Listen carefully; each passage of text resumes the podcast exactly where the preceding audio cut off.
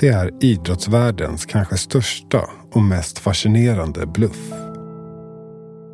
En 32-årig doldis utgav sig för att vara miljardär och lyckades utan pengar köpa NHL-laget New York Islanders för 165 miljoner dollar. Sportbladet har pratat med tre svenska Islanders-profiler för att reda ut härvan kring John Spano. Du lyssnar på Sportbladet Dokument. En podcast från Aftonbladet och Podmi.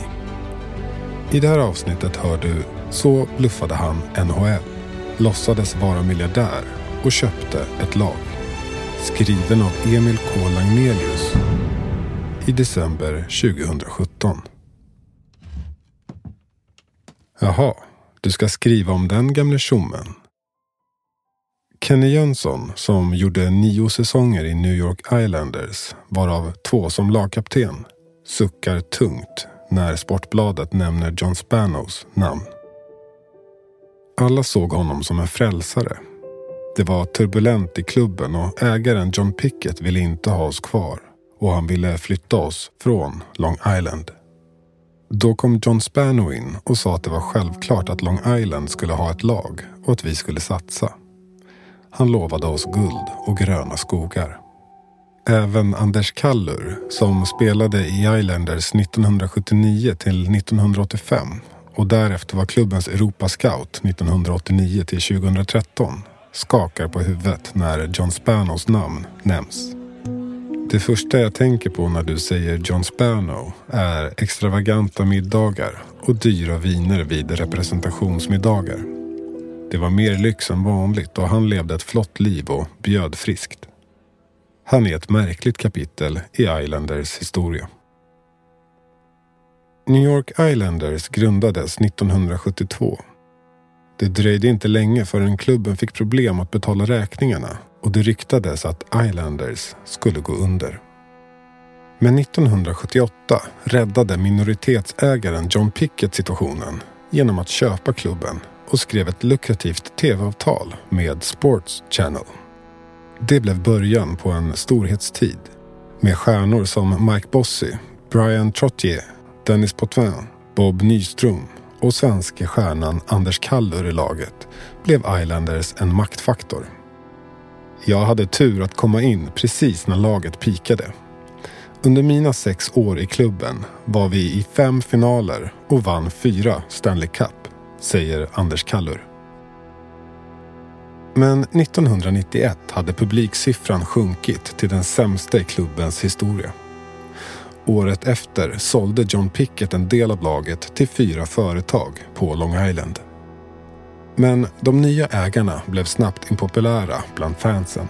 Bland annat genom att byta klubbens logga. Den nya, illa omtyckta loggan föreställde en blå och orange fiskare framför ett mål med en hockeyklubba i händerna.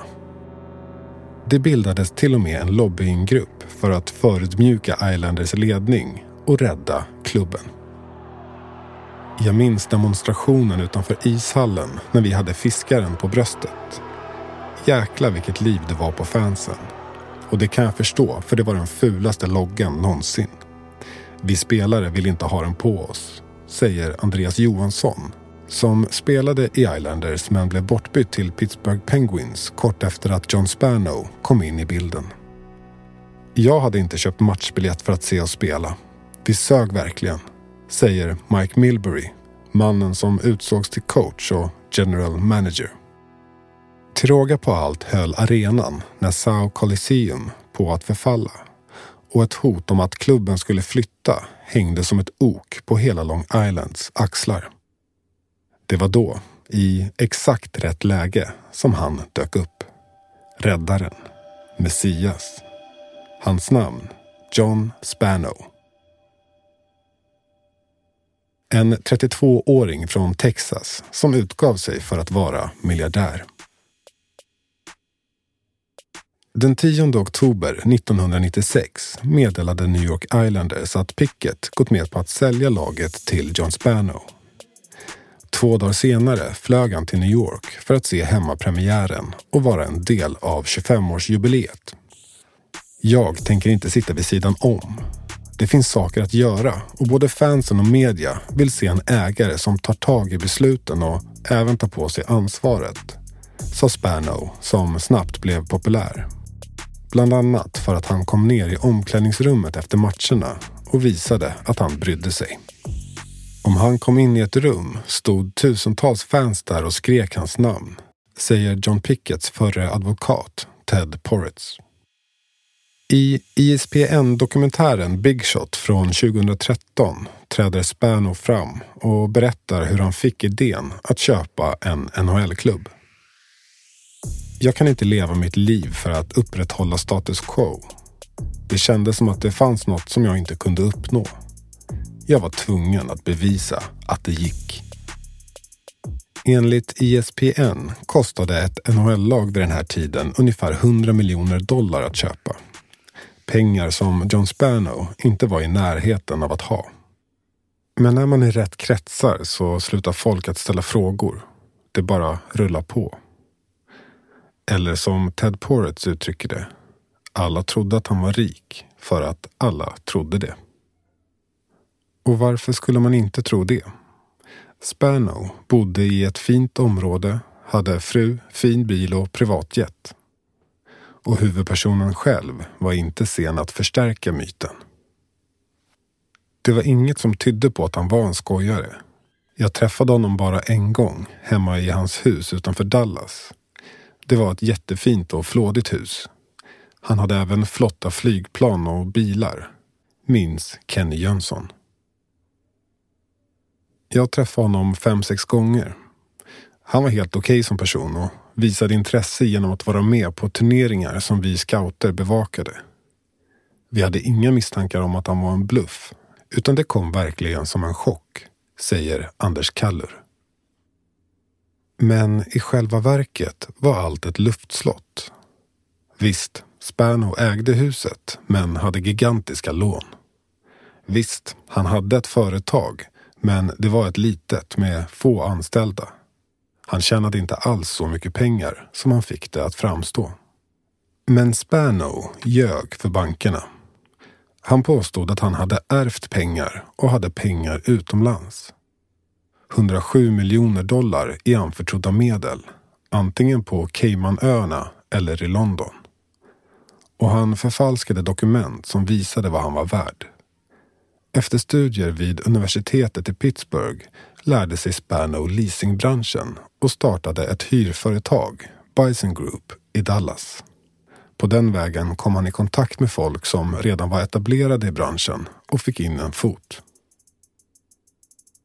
Men John Spano nöjde sig inte med att vara en småhandlare. Han ville bli störst.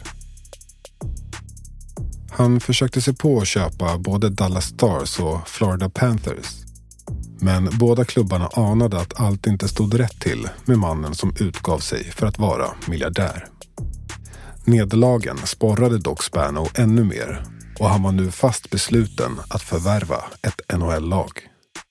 Och New York Islanders var ett perfekt offer. Det jag kommer ihåg är att det var så jävla rörigt med både det ena och det andra när jag var där. Bland annat en massa ägarbyten och tränarbyten och spelare som tradades, säger Andreas Johansson. John Spano blev vän med New York Islanders förre storspelare Dennis Potvin som efter spelarkarriären jobbade som expertkommentator. Faktum är att Potvin var en av de personer som föreslog Islanders för Spano. Och den som upplyste Spano om att Islanders var till salu var ingen mindre än NHL-bossen Gary Bettman som själv är uppvuxen på Long Island.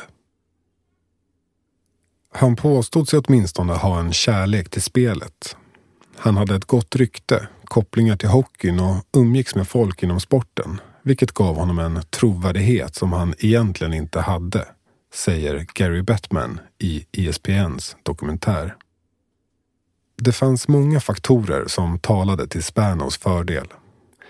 Islanders ägare John Pickett ville sälja så fort som möjligt och NHL ville ha en ny ägare till klubben. Spano tog höjd för att han var värd 230 miljoner dollar och skickade falska dokument till både Pickett och NHL och lät också sin bankman visa Pickett att han hade 100 miljoner dollar. Jag såg till så att folk inte kunde prata med fel personer eller lägga ihop två och två. Banken visste en sak, NHL visste något annat, min advokat något tredje. Om de hade träffats hade de förstått att allt inte stämde, säger Spano. Pickett och NHL köpte Spanos hopdiktade story med hull och hår. Granskningsprocessen var, så här i eftertänksamhetens kranka blekhet, ett stort skämt. Jag var nära att skita i brallorna av rädsla för att allt skulle spricka, säger Spano. Idag framstår det som helt obegripligt att John Spano lyckades ro affären i hamn. På den här tiden hade vi en rad olika skyddsmekanismer. Men John, med hjälp utifrån, lyckades undvika dem, säger Batman. Men det var inte bara NHL som svalde Spanos rövarhistorier.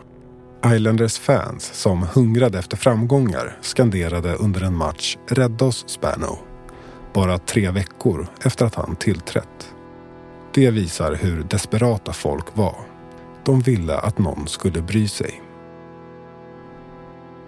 Den 7 december 1996 hissades Islanders forwarden Clark Gillis tröja nummer 9 i taket.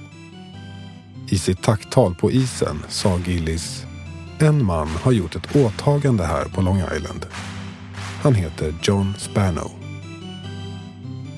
Vi trodde att John Spano var frälsaren som skulle ta tillbaka laget till de forna glansdagarna, säger Gillis i ISPN-dokumentären och rodnar när han tänker på hur grundlurad han blev. Det fanns dock en person i Islanders som tvivlade på John Spano. Vice ordförande Robert Rosenthal.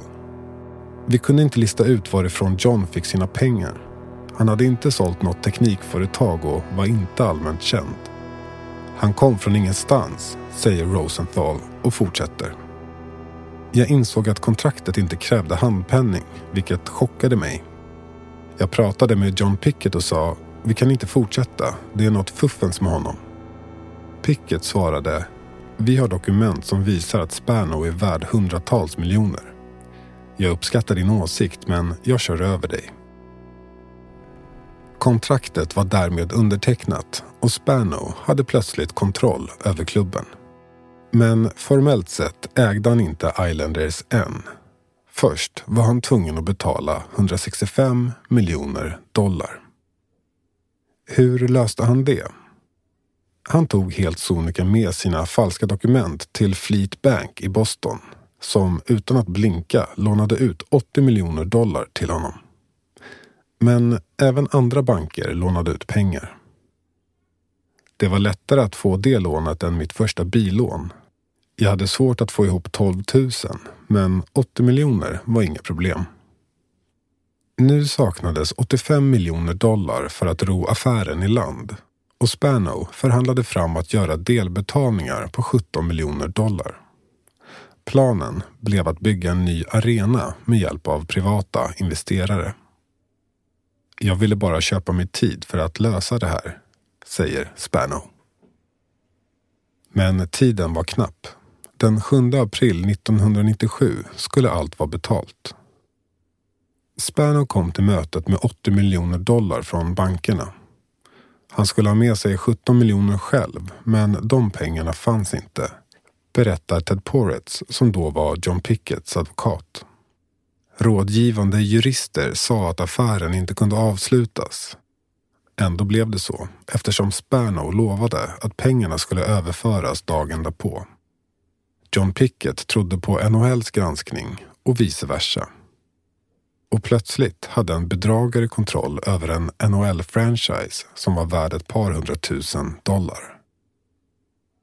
Spanos överföring kom dagen efter, men det saknades fyra nollor. Istället för 17 miljoner dollar handlade det om 1700 dollar. Spano fortsatte iskallt bluffen och utbrast Hur kan det vara möjligt? Hur kan det vara möjligt? Och veckorna som följde fortsatte lögnerna och han gjorde allt i sin makt att dra ut på tiden. Ibland var det som en lek för mig. Kommer de att tro det här? Jag hade sagt att jag kunde trolla, bara det vann mig tid. Samtidigt började vinden vända för laget och John Spano blev snabbt Long Islands hetaste kändis. Han blev stammis på hetaste kändiskrogen och levde det ljuva livet. Jag såg honom med många olika vackra kvinnor, minns Mike Milbury, som vid den här tiden var både tränare och sportchef. Men under den glamorösa fasaden krackelerade John Spano inombords. Oron över att hela bubblan skulle spricka höll honom vaken under nätterna. Det skulle till slut bli hans fall. Efter att John Pickett kontaktat NHL-bossen Gary Bettman, som då gav Spano en vecka på sig att fixa fram 17 miljoner dollar, förfalskade Spano ett brev från sin bankman som garanterade att han hade pengarna. Men det var en slarvig förfalskning, skickad från hans egen fax.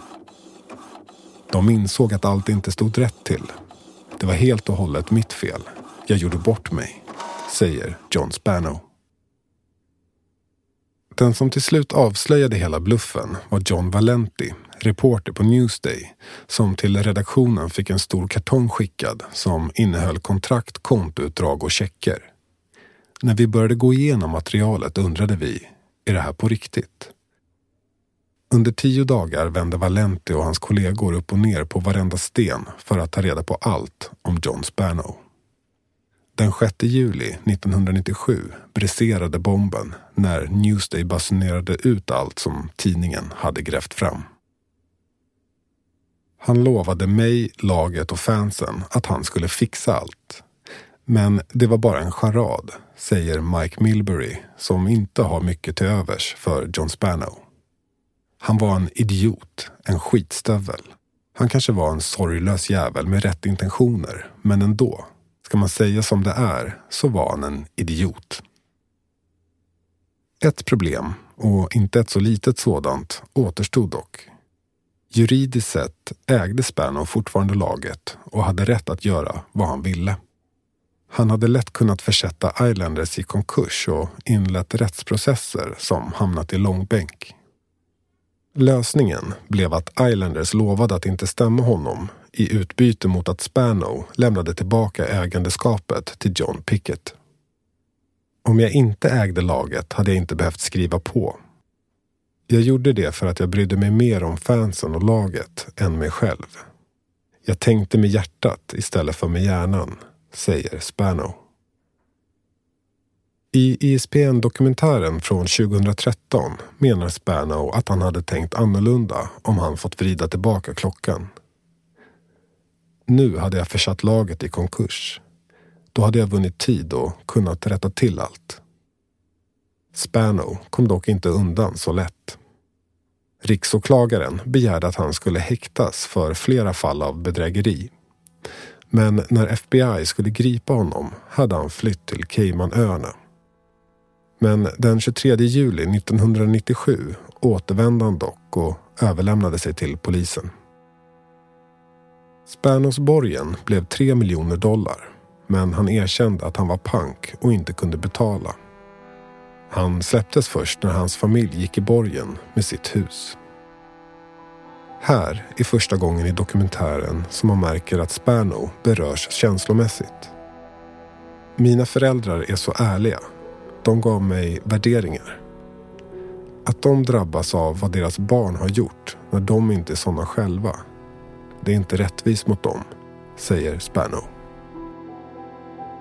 Den 7 oktober 1997, nästan exakt ett år efter köpet, erkände Spano att han var skyldig.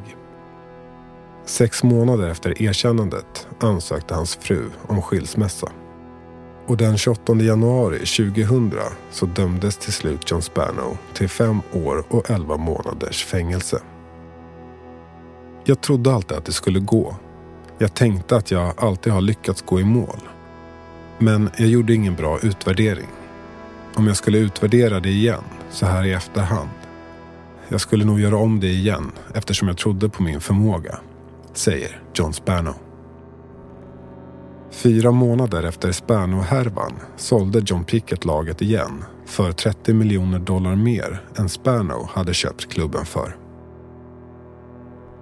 2012 skrev Islanders nuvarande ägare Charles Wang ett avtal som 2015 gav laget en ny arena i Brooklyn. Nu är det dock bestämt att Islanders flyttar närmare sina gamla hemtrakter i Nassau County på Long Island då en ny arena ska byggas i Belmont Park. I juni 2004 släpptes John Spano från fängelset. Han återvände då till Ohio och startade ett nytt leasingföretag. Men 2005 åtalades han för att ha tagit betalt utan att hyra ut utrustning. Han erkände, dömdes till ytterligare fyra års fängelse och släpptes fri den 9 april 2009. Trodde ni att historien var slut här? Ja, inte riktigt. Den 17 juni 2015 dömdes John Spano till 10 års fängelse för 44 fall av förfalskningsbrott. Idag är han 53 år. Den före detta Islanders-spelaren Kenny Jönsson sammanfattar det hela. Det är anmärkningsvärt att han har bluffat sig genom hela livet. Du har hört Sportbladet Dokument, en podcast från Aftonbladet och Podmi. Text Emil K Lagnelius. Producerat av Erik Magnusson, Jonna Karlström och mig, Jonas Thornberg.